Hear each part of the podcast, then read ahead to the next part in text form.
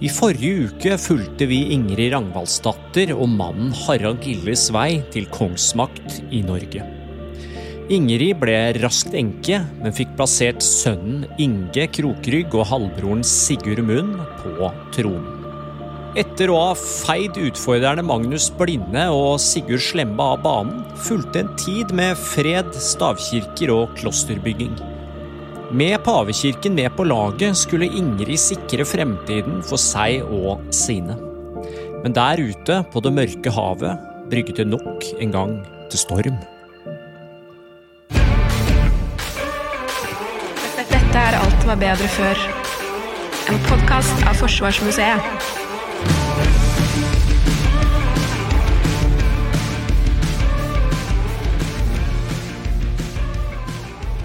Mona Ringvei, velkommen tilbake til eh, Forsvarsmuseet. Tusen takk for det. Veldig hyggelig å være her igjen. Vi skal plukke opp uh, tråden i 1146, hvor vi slapp den sist. Det er eh, bygget uh, mange kirker, det er oppsatt kloster på Hovedøya. Nå skal det arbeides for uh, langvarig fred, men så enkelt, det skulle det overhodet ikke bli. Fordi i 1146 så skjer det veldig mye, og en av de tingene som skjer, er at det kommer enda en sånn påstått kongssønn inn i bildet, nemlig Øystein Haraldsson. Hvem i all verden er det? Ja, nei, han mener jo at han er sønn til eh, Harald Gilde, da. Så, så han kommer til eh, landet som, som vanen er når man er kongssønn, og så sier han eh, til Inge da og, og Sigurd Munn at ja, jeg skal være konge sammen med dere. Ja, for han er da broren deres, påstår han. Ja. Så de kan ikke si noe annet enn eh, ok, hvis du insisterer. Eller kretsen rundt dem, da. Kan ikke si noe annet. Fordi det er på en måte det som er eh, sedvanen. Er du kongssønn, så har du krav på arven til kongen, og det er jo da kongemakten. Så han eh, skviser seg inn eh, som en av tre norske konger på dette tidspunktet. Men når vi sier at han dukket opp, og det, det er jo temaet tema som går igjen her, at det bare driver og dukker opp eh, kongssønner ut av intet nærmest, de bare møter opp på stranda. Blir de henta inn, eller bare dukker de opp? Nei, de blir jo hentet inn. eh, Og delvis så står jo det også litt eh, forsiktig i eh, sagaene, som forteller om, om deres ferd inn i landet. Eh, Men de utbroderer ikke så veldig hva dette innebærer. Eh, Så det er det forskere som har tatt seg tid til å, å, å gjøre. Eh, og de påpeker jo da at man må se på disse kongsemnene som kommer over havet, som en slags inngangsbillett for at, som blir tatt i bruk av kretser som går sammen for å få større makt i landet. Eh, Og det man kan se for seg når denne Øystein Haraldsson kommer til landet, da, det er jo at makten til Inge Krokrygg og eh, Sigurd Munn har jo nå vært stabil lenge. De er fortsatt barn, så det er jo kretsen rundt dem eh, som danner en utrolig sterk lendemannskrets som styrer over store deler av landet, og som begynner å bli veldig godt etablert. Men så finnes det jo enda flere lendmenn i landet som ikke inngår i denne mektige kretsen. Så de vil også gjerne ha en konge da, i sin midte. Eh, Så det er nok slik man må se for seg når denne Øystein Haraldsson kommer til landet, at det er noen lendmenn der borte på Vestlandet som føler seg litt forbigått. Ja. Og så skjer det noe annet dramatisk i eh, 1146 også, utafor en kirke i eh, Trondheim, hvor eh, Ingrid blir enke igjen, hvor Ottar Birting blir eh, drept. Hva, Ja. hva i all verden?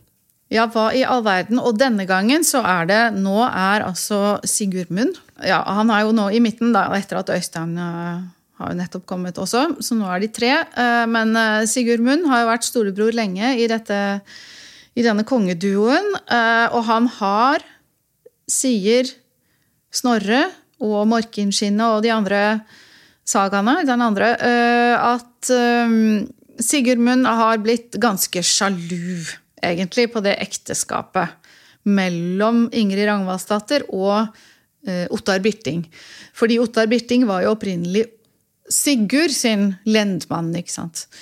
Eh, men eh, Ottar har åpenbart, eh, eller i hvert fall sånn som kildene forteller, når han har inngått i allianse med Ingrid, så har han hatt mest omsorg for Inge og Inges krets. I Viken. Ja. I Viken.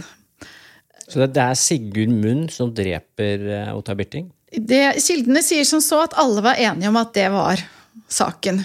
Uh, ingen tvilte på at det måtte være Sigurd. Det var ikke han som i egen høye person hadde tatt og uh, stukket sverdet i uh, Ottar Birtings bryst på en kirkegård i Nidaros om natten. men, men det var han som sto bak. Det var alle enige om. Ja.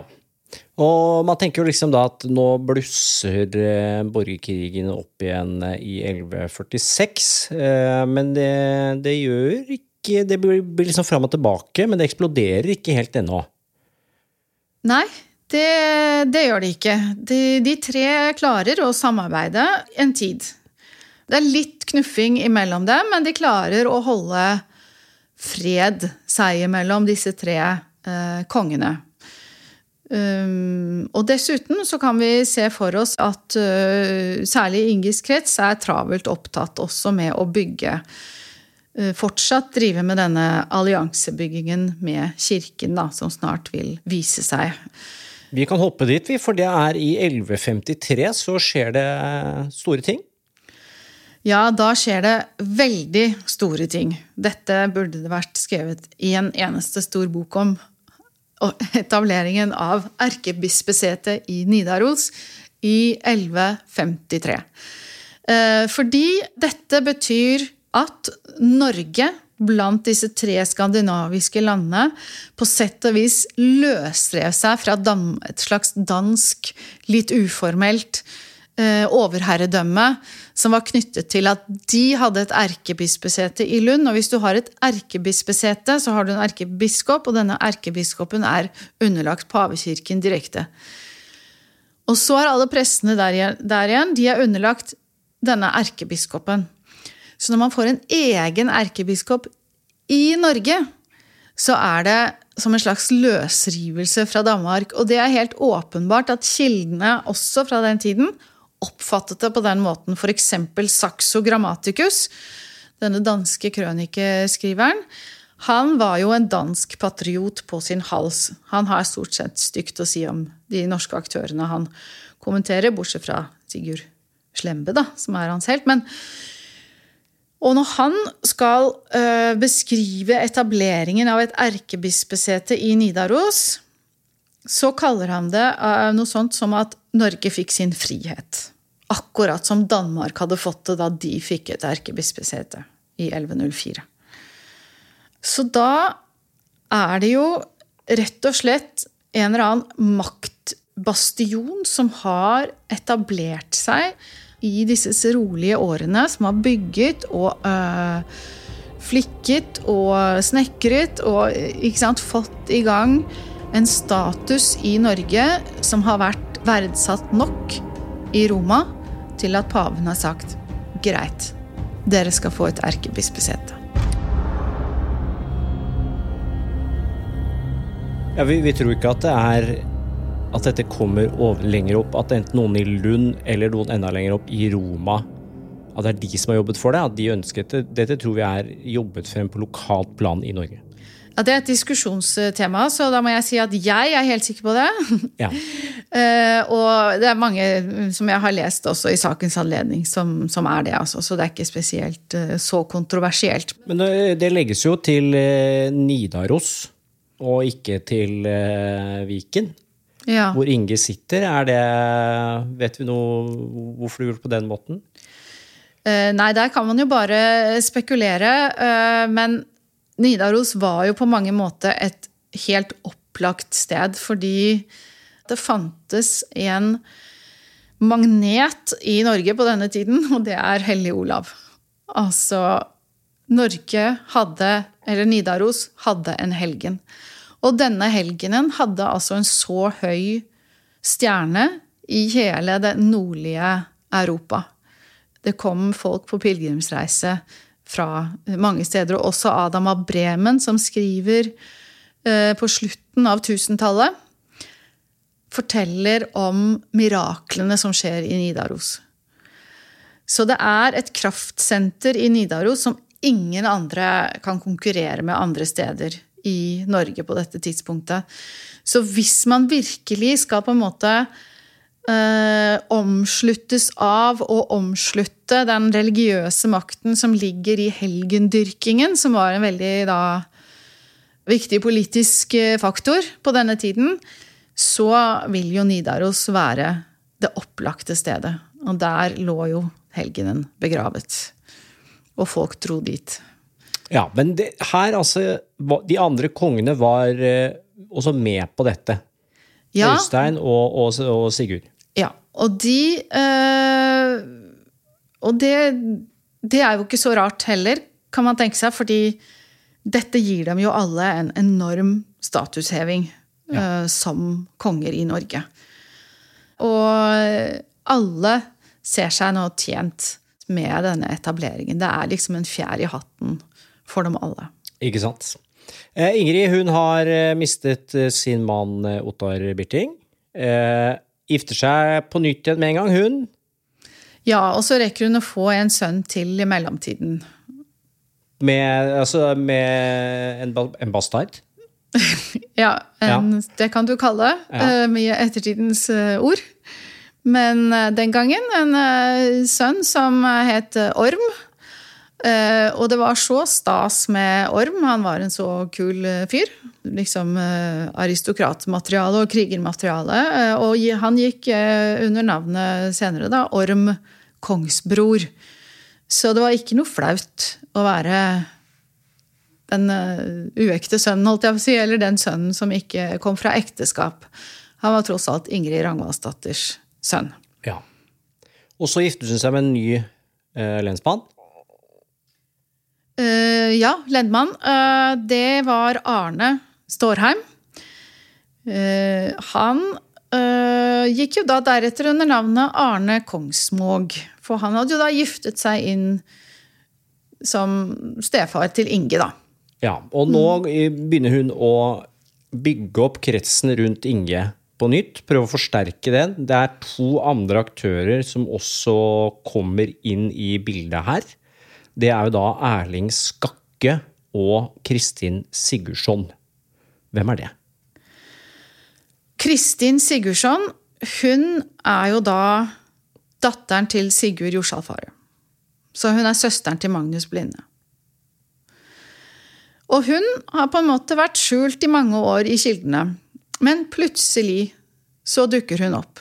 Like etter eh, etableringen av erkebispesetet så dukker hun opp i kretsen rundt Inge, av alle steder. Eh, og hun blir giftet bort til en av de store lendmennene på, på Vestlandet. sønnen sønn av en av de som alltid har vært mektig i denne kretsen. Som har vært alliert med Harald Gille. Så det, er, eh, det går i generasjoner. Så han er en av disse ja, sønnene som skal opp og fram i lendmannskretsen rundt Inge. Og han blir jo da giftet med denne Kristin Sigurdsdatter sånn litt etter, eller omtrent på den tiden da erkebispesetet blir opprettet. For det er altså etter opprettelsen av bispedømmet i 1153 Da begynner det å gå eh, mot borgerkrig igjen. For da rotter Sigurd Munn og Øystein seg mot eh, Inge. Og det er flere voldelige hendelser og noe drap på tilløp til, eh, til krig, holdt jeg på å si. Og der, ifølge sagaene, så står Ingrid, og så hisser hun sønnen Inge. Nå må du gå til krig. Ja, mot, det mot brødrene dine. Ja. Det er det som er uh, så Det er veldig fascinerende scene. Den er jo også ganske berømt, hvor de befinner seg i eh, Bergen, da, og hun hisser opp sønnen sin til å ta hevn. Eh, og Forhistorien her er jo da at etter at erkebispesetet er blitt ehm, etablert, så skjærer det seg ganske raskt mellom de tre brødrene. Sånn at Sigurd Munn og Øystein for eksempel først, de, så er jo de også uvenner og, og går løs på hverandres hirdmenn og sånn. Men så finner de ut at de to heller skal uh, slå seg sammen, og så kan de vippe Inge ut av denne kongestolen. For hva har han egentlig der å bestille? Han er jo en krøpling. Passer jo ikke til å være konge. Så de to blir enige om at de skal fjerne uh, Inge fra kongestolen. Ikke drepe ham, men uh, han kan nøye seg med noen storgårder. Det får, det får holde.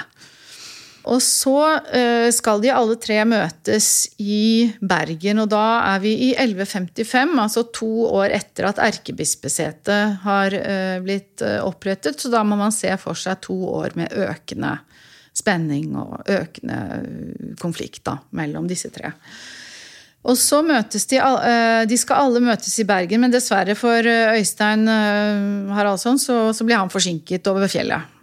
Ikke alltid så greit å komme seg rundt i landet på den tiden heller. Så, så, der befinner altså Sigurd Munn og kong Inge Krokhyg seg, de to første kongene. ikke sant, Etter denne duoen som hadde hersket som, som barn. Men nå er de jo ikke barn lenger. De er 20 og 22 år ca. Hvis jeg husker riktig. Og ryktene går, og det er Det yppes til kamp mellom den ene gruppen hirdmenn og for den andre osv. Så, videre. så det er en fortettet stemning i Bergens gater og, og smug. Og på et eller annet tidspunkt så kommer altså Ingrid Rangvaldsdatter over et lik på vei fra aftensang. De er jo ofte på vei til og fra aftensang, disse her. De har vært i kirken. Så kommer hun over et lik som er en av um, uh, sønnens hidmen. Da går hun på sønnen og uh, forteller ham at nå, nå får det være nok. Nå tar du igjen. Hvis ikke du forsvarer kongemakten din, så mister du, også, så mister du den. Du mister også æren. ikke sant? Du mister respekt. Du må stå opp for ditt kongerike. Ta igjen. Og så får hun også hjelp da, av Gregorius Daxon, som er en ny aktør som har kommet inn på banen. En stor lendmann som virkelig er en mektig figur i historien, og som dermed har fått veldig stor betydning i historieskrivingen, da, som en av de som har styrt på vegne av Inge. Og det gjorde han jo også. Men den som har vært der hele tiden, som sagt, det er jo Ingrid. Og nå er det de to som sammen står og hisser kong Inge opp til å ta igjen. Og det får igjen enorm betydning. Dette er et vendepunkt i historien. Et av disse to store vendepunktene hvor kildene ikke kan la være å omtale Ingrid Ragnvaldsdatter. Fordi Inge snur jo da. Han tar igjen. Så han går ut i kamp sammen med sine viktigste lendmenn ut i Bergens uh, gater og natteliv. Og går da til dette vertsstedet hvor uh, Sigurd sitter og drikker øl uh, sammen med vennene sine. Og han blir drept i et regn av piler, da. I et blodig, blodig slag. Og dermed tar jo historien en annen retning. Nå er kong Inge, etter først å ha måttet dele makten med Sigurd, og så også dele den med Øystein Nå er de bare to igjen, og Øystein kan jo bare vente og se hva som skal skje med ham. Ja, for det er vel bare to år etter eh, blodbadet i Bergen, så tar de også rotta på, ja. på Øystein. Og da er kong Inge Krokrygg da enekonge. Omsider. Omsider.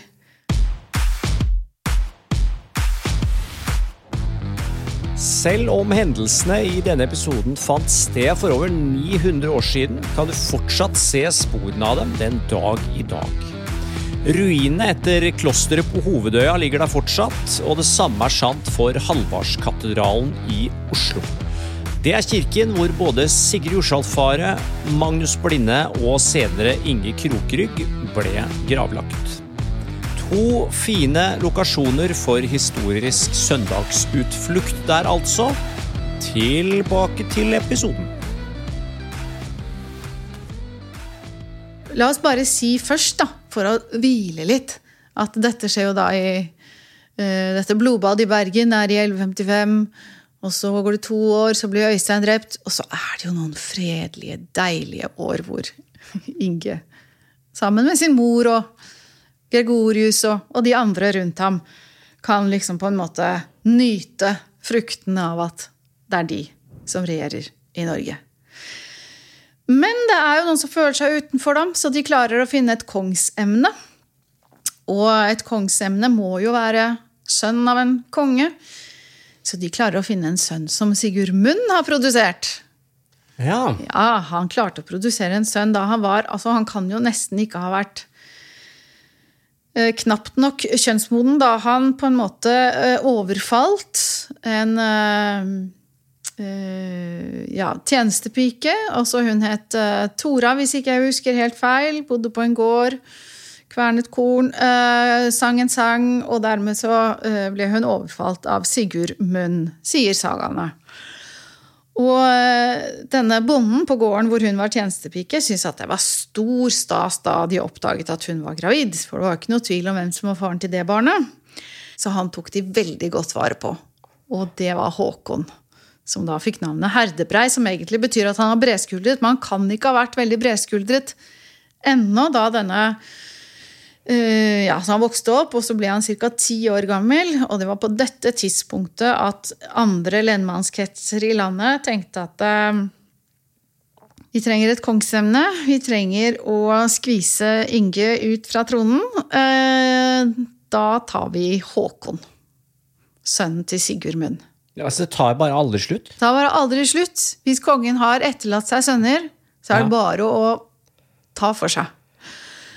Så eh, de eh, tar jo han i bruk, og han er jo knapt nok ti år gammel når de første gang begynner å yppe da, mot kong Inge.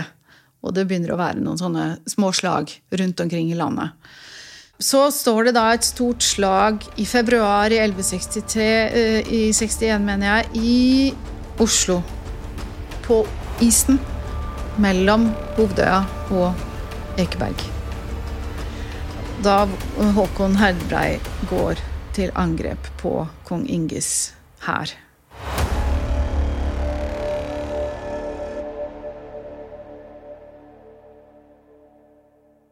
Inge altså han begynner jo allerede å bli lei av livet, hvis vi skal tro eh, Snorre. Eller i hvert fall så er han eh, lei av å være konge. Det, han vet at det, skal, det kommer til å skje et slag. Og det er da Kristin Sigurdsdatter kommer inn i historien igjen, som vi var inne på i sted. Fordi hun er jo en del av denne kretsen. Og hun er i Oslo, og antageligvis så er veldig mange i Oslo på dette tidspunktet fordi at lillebroren til Inge, altså Orm Kongsbror, den uekte sønnen, han skal gifte seg Ja. i Oslo. Eh, Så det er stor stas, og da kan vi jo tenke oss at Ingrid er der også. Selv om det sier selvfølgelig kildene ingenting om. Men eh, det skal være et stort bryllup. Og derfor er også Kristin i Oslo. Men Inge vet at det kommer til å skje noe annet her enn bryllup. Så han tar eh, Kristin til side og forteller henne at eh, jeg tror eh, at det blir et stort slag her, eh, og jeg kommer antageligvis til å falle.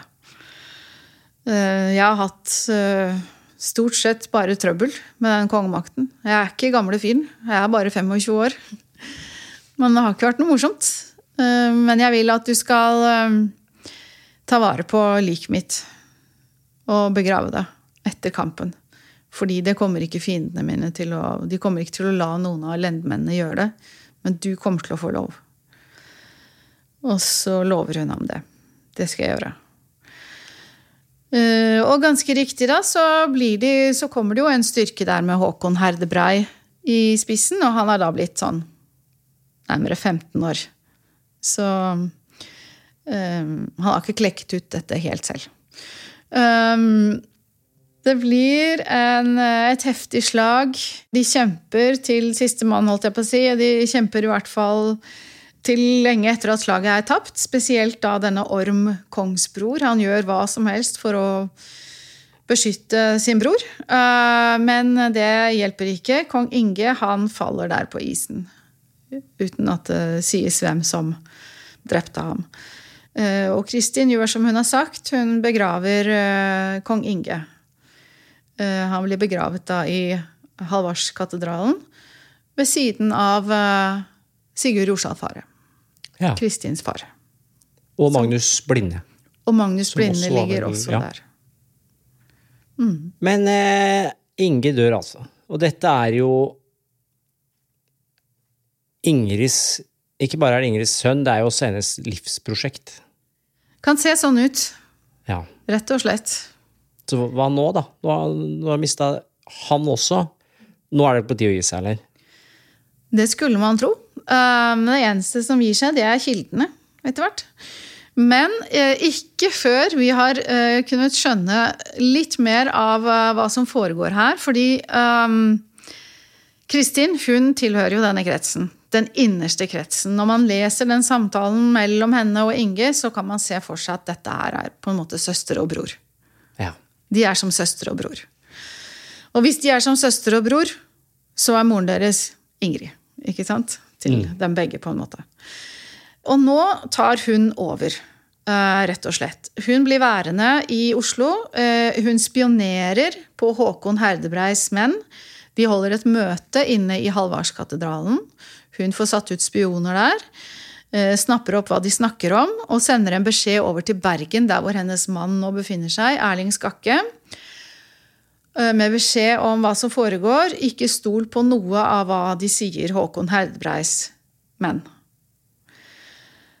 Og det som da skjer, det er Ikke sant, nå har vi jo skjønt at det å ha et kongsemne i sin midte, det er helt nødvendig. Nå har ikke Ingrid og kretsen rundt Ingrid et kongsemne i sin midte. Nå er de jo døde alle sammen.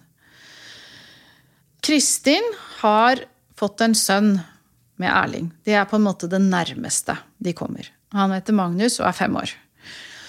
Og det som skjer, er at kretsen, denne samme kretsen som Inge da har vært omsluttet av, de møtes i Bergen på et tingmøte og diskuterer hva gjør vi nå? Hvem skal vi utnevne som konge i vår krets? For nå er jo liksom Håkon, Håkon Heidebrei blitt konge i Norge. Det må de jo få en slutt på. Så fort som mulig. Og så har de en diskusjon frem og tilbake. eh, Og kvinner de snakker jo ikke i tingforsamlinger i eh, sagaene. Men det bemerkelsesverdige er at den som leder an i samtalen på tinget i Bergen, og som kommer med løsningen, det er Ingrid Ragnvaldsdatters ektemann nummer fire, altså Arne Kongsvåg. Som hun nå har flere barn med. Og han sier som så, Arne Kongsvåg, at den som har mest rett til kongsmakt her, det er sønnen til Kristin. Som da slekter på Sigurd Jorsalfare, Ja. men da via morssiden. Via morslinjen, og det er jo litt sånn eh, Ok, det har jo skjedd før i historien og andre steder, men i norsk sammenheng så er jo det å være kongssønn det som trumfer alt. Så det er et eh, for, forholdsvis da originalt eh, forslag eh, på disse kanter av verden. Um, men han sier at jo, det er hun. Hun er kongsdatter. Hennes sønn har rett til kongsmakt. Han utnevner vi til konge. Og da blir de enige om det. Dessuten, sier Arne Kongsvåg, så har han en far som kan gå i bresjen for ham, nemlig Erling Skakke.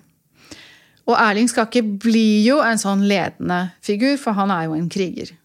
Ja, og Magnus er jo da som sagt fem år. Magnus er fem år, så han har ingenting han skulle ha sagt. Nei. Eh, Og Skakke han har i likhet med Sigurd Jorsalfaret, så har Skakke også vært i Jerusalem, stemmer ikke det? Det stemmer. Ja.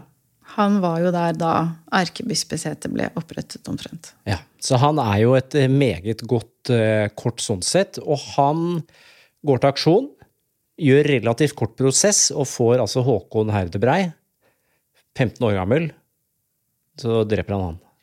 Ja, Men det er ikke Erling Skakke alene som gjør den prosessen. da. Fordi det som skjer etter dette tingmøtet, det er jo at de må konsolidere den maktposisjonen. De må Eh, de må sørge for at de har nok styrker til å ta tilbake makten. Og hvor drar de da? Til Danmark. Danmark. Ikke sant? Så de drar altså på en, delega en delegasjon, drar av gårde til Danmark. Og hvem er med i den delegasjonen, om ikke i tillegg til lille Magnus og Erling Skakke og Kristin Sigurdsson, trolig? Ingrid Rangvaldsdatter og Arne Kongsvåg og to av Ingrid Rangvaldsdatters sønner. Så det er jo hennes slekt her som er hennes barn, hennes sønner, hennes mann, som utgjør eh, si, kjøttvekta i denne maktkonstellasjonen, som nå drar til Danmark for å skaffe seg allianser eh, med den som er konge i Danmark nå, som da er Valdemar og er eh, Kristin Sigurdsdatters da fetter. Så det er jo via hennes slektskapsbånd og Ingrids og hele dette nettverket som er etablert dem imellom, at de drar for å bygge opp om kongsverdigheten liksom, til Magnus Erlingsson, da, denne femåringen. Og dermed også da Erling Skakkes ja, maktutøvelse. Så det er med støtte fra Danmark at de får tatt knekken på Herdebrei ja. og kretsen rundt ja. han? I 1162 drepte altså Erling Skakke Harald Herdebrei, og hevnet med det drapet på Ingrids sønn Inge Krokrygg. Som avtalt satte de Erlings og Kristins sønn Magnus på tronen, og året etter avholdt de historiens første kroningsrituale av en norsk konge. Det som er uh, interessant med skildringen av denne kroningen, det er jo at nok en gang så står det en kardinal der og er gjest ved kroningen. Uh, og sagaene til, uh, fremstiller også det som litt sånn tilfeldig at denne kardinalen er der. Men det er jo ikke tilfeldig. Han er jo der for å på en måte overse at det hele går riktig for seg. Så han må da være tilkalt, og det hele må være forberedt. Og den, den, kroningen kunne ikke funnet sted hadde det ikke vært for at de har nå fått eget erkebispedømme i Norge? Det tviler jeg på. Nei. Men så er det det at samtidig med kroningen så etableres det også en tronfølgelov. Det betyr at man for første gang lovfester hvem som har rett til å være konge. Og det oppsiktsvekkende ved denne tronfølgeloven er jo da de bruddene den gjør med gammel sedvane. Og et av de viktige bruddene, det er at heretter skal det bare være én konge. Og for meg så er det bruddet en helt klar reaksjon på det som har foregått forut. Andre historikere de vil være veldig opptatt av å si nei, nei, men samkongedømmet hadde en veldig fin funksjon, og man kunne dele landet mellom seg og, og sånn. Så, så enekongedømmet var ikke noe løsning egentlig på, uh, på flerkongedømmet som en sånn urosituasjon uh, per definisjon. Uh, men det er hvis du trekker lange linjer, hvis du ser for deg disse aktørene som eksisterer rundt 1160-tallet, hva de har vært igjennom. De er lei. De er lei. Ja. Så for dem så spiller det ikke noen rolle om det var en harmonisk eh, flerkongedømme for 50 år siden. Eller 60 år siden. Det er liksom ikke så relevant. Det som er relevant for dem, det er at nå vil de sikre makten til Magnus Erlingsson. Og det gjør de ved å ha en lov, som jo da også får en velsignelse fra paven. En lov som sier at det skal bare være én konge. Og den kongen skal velges ut ifra helt sånn forutgående regler. Eh, det er ikke på en måte sverdet som skal avgjøre hvem som er kongen. Det er arvefølgeregler. Og da er det at det er den eldste ektefødte sønn som skal være konge. Ja, nå, nå, er det slutt på alle de der eh, halvbrødrene som kommer ut ja. fra Shetland ja. og hevder at ja. Absolutt. Det er på en måte intensjonen i denne loven. Og så er det sånn at mange historikere tenker at denne loven er ikke så interessant, for den kom egentlig aldri til anvendelse. Aha. For det tok ikke så veldig lang tid. Da så kom det atter et kongsemne over sjøen, over Ja, havet, og det men det, jeg har et, før vi går til det, så har jeg et spørsmål, fordi eh, Magnus var jo ikke førstefødte eldste sønn av kongen. Nei. Så hvordan kunne han omfattes av tronfølgeloven, hvis det var bestemmelsen? Eh, ja, nei, det er jo da den første bestemmelsen, ikke sant? Men du vet, det går jo ikke alltid som man eh, vil i biologien. Man kan jo ende opp med bare å få døtre, eksempel, eller eh, sønnene kan dø av sykdom eller andre ting. Slik at det er jo en arvefølge, en rekkefølge her. at ikke sant, Hvis eldste ek- ektefødte sånn og slik ikke finnes, eller er død, eller er gal, eller ond, ikke sant? Og langt ned i den prioriteringslisten så finnes det jo da sønn av kongsdatter. Som i dette tilfellet var Kristin. Ja. Slik at han finnes, hans legitimitet finnes i den arvefølgeloven, fordi ingen av de foran finnes. Men er det, skal, skal vi lese den arvefølgeloven, eller tronfølgeloven, som et prinsipielt juridisk fremsteg som, som de ville ha, eller skal vi se på det som et litt desperat forsøk på å prøve å gi legitimitet til den litt rare ordninga de hadde med at Magnus ikke var kongssønn? Eh, Man kan lese det som begge deler, og for meg så tenker jeg at eh, man må se for seg alt det arbeidet som ligger bak å etablere en tronfølgelov for aller første gang. Altså, det er jo den første i Europa også. Ja. Så det de har gjort, er at de har diskutert, de har kommet opp med ideer, de har sett til praksiser i andre land, de har latt seg eh, påvirke eller inspirere. Altså, de har bare drevet et enormt sånn politisk eh, håndverksarbeid full av nytenkning, men selvfølgelig også maktbegjær og ønske om å sikre akkurat Magnus Erlingssons spesifikke kongedømme. Men i tronfølgeloven så ligger det jo også en slags plan for fremtidig fred. Og det tenker jeg er så interessant i seg selv at det at det kommer en gæren fyr fra, øh, sant, øh, fra vest, øh, kong Sverre, og bare maltrakterer hele prosjektet, det er nå så sin sak. Ja. For det er eh, neste som skjer her, er jo at vi går inn i en slags ny fase av eh, borgerkrigene. Hvor det kommer da en eh, ny sånn bastardsønn, eh, Sverre Sigurdsson, Ja. som senere blir kong Sverre. Han blir lederne, lederen for Birkebeinerne. ja. Det er en lengre historie som jeg tror vi skal spare til en annen podkast. Selve den fasen. Men det vi kan si, er jo at uh, han vil jo da utfordre denne tronfølgeloven med at han eide hadde. Fordi ifølge den tronfølgeloven Han var jo ikke ektefødt.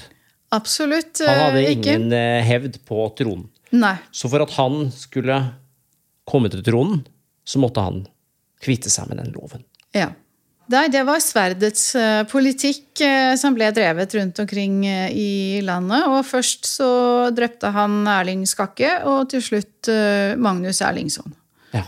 Så da var det jo et fait accompli. Da var han selv konge.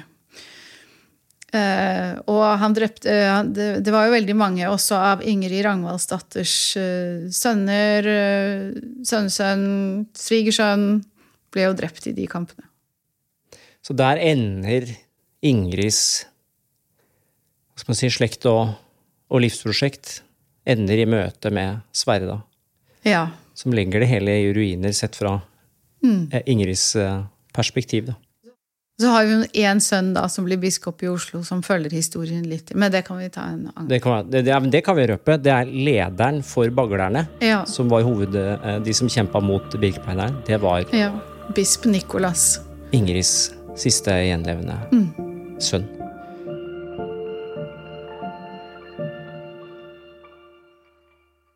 Hvor lenge levde Ingrid? Vet vi det? Det er uh, vanskelig å si, fordi hun forsvinner ut av kildene når hun reiser til Danmark. Altså etter dette tingmøtet, Ja. hvor de skal konsolidere Hvor de skal få støtte i, i Danmark for uh, Magnus Erlingssons kongemakt. Ja, dette er før kroningen og tronfølgeloven. Ja. Det er det siste vi hører Ja, om henne. det er siste gang hun nevnes ha. i kildene. Du skri- skriver også at eh, kanskje tronfølgeloven var tiltenkt Inge, og at dette var noe som Ingrid hadde jobba ganske lenge med, kanskje helt tilbake på, i 1154, når hun oppretta eller når, når de oppretta klosteret på Hovedøya, at de har tenkt dette som en langsiktig strategi mot å bruke kirka for å etablere kongsmakten på tryggere grunn, da. Tror du det var tilfellet? Eh, ja, jeg tror at det er hvert fall det er veldig sannsynlig. fordi uh, igjen så må man jo bare uh, Når man leser disse kildene, og hvis man blir enige om at eh, Ok, 1163 er året for eh, tronfølgeloven. At den blir eh, verk, altså, mm, sanksjonert, og, og, og at kroningen foregår da. Så er det bare ren på en måte deduksjon å si ok, når begynte de å forberede det? Ikke uken i forveien, fordi det lar seg ikke gjøre. Eh, Kanskje ikke et halvt år. De måtte jo tilkalle denne kardinalen, og de måtte få støtte. Og, de måtte... og hvor langt tilbake skal vi gå? Hvis vi behøver bare å gå to år tilbake, så er det Inge Krokrygg som er konge. Men så begynner man å regne, så, så ser man jo at ok, dette strekker seg jo bakover i tid. Ja, det må du ha gjort. Hvordan skal man plassere Ingrid i fortellingen her? Var hun en som jobba for stabilisering og modernisering, eller var hun altså et stabeist som fyrte opp under de norske borgerkrigene, koste hva det koste ville, for å knuge seg til, til tronen selv, da? Ja, nei, det Det syns jeg er vanskelig å si. Jeg har ikke fått et sånt veldig klart Når jeg jobber med dette stoffet, så er det jo ganske morsomt fordi noen personer trer plutselig frem. Plutselig skal man liksom få en sånn idé om, om hvordan de er. Eh, Men Ingrid Rangvaldsdatter er jo på enkelte steder fortsatt veldig mystisk for meg. Det jeg eh, har et klarere inntrykk av, da, det er i hvert fall at hun mener seg nok berettiget til å besitte makt. Eh, så hun må antageligvis ha vært ganske eh, smart og, selvbevisst. Og hatt en teft for politikk og strategi. Og i den forbindelse ment at det er, hun, det er best at hun styrer. Det er derfor jeg sa Margaret Thatcher møter Game of Thrones. Det, jeg får veldig de vibbene. Så det, det, kan vi kalle henne for jernkvinnen? Er det lov? Jeg, jeg ser for meg, altså Margaret Thatcher var jo på en måte så mye eldre da hun kom i, i maktposisjon, men hun her hun har holdt på siden hun var i hvert fall eh, senest 25 år. Ja. Så har hun vært on top of the world. Uh, sånn at det er et lengre livsspenn, da. På sett og vis. Eh, Helt avslutningsvis, hvis du på magisk vis kunne fått svar på et hengende spørsmål ved Ingrids liv, hva ville vært? Hva er det du lurer mest på? Jo, jeg lurer, jeg lurer jo veldig på hvor eh, lenge hun eh, egentlig eh, levde.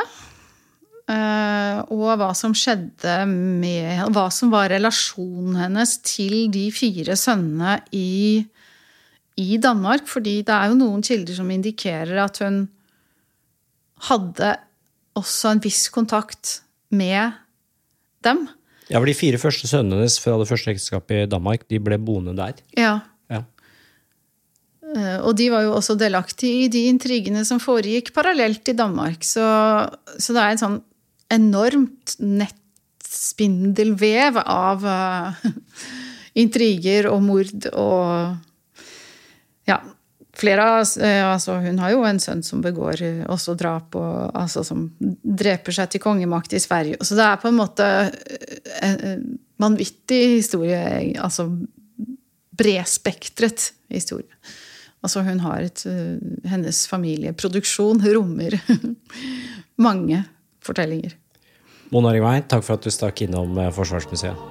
Bare hyggelig. Takk for at jeg fikk komme.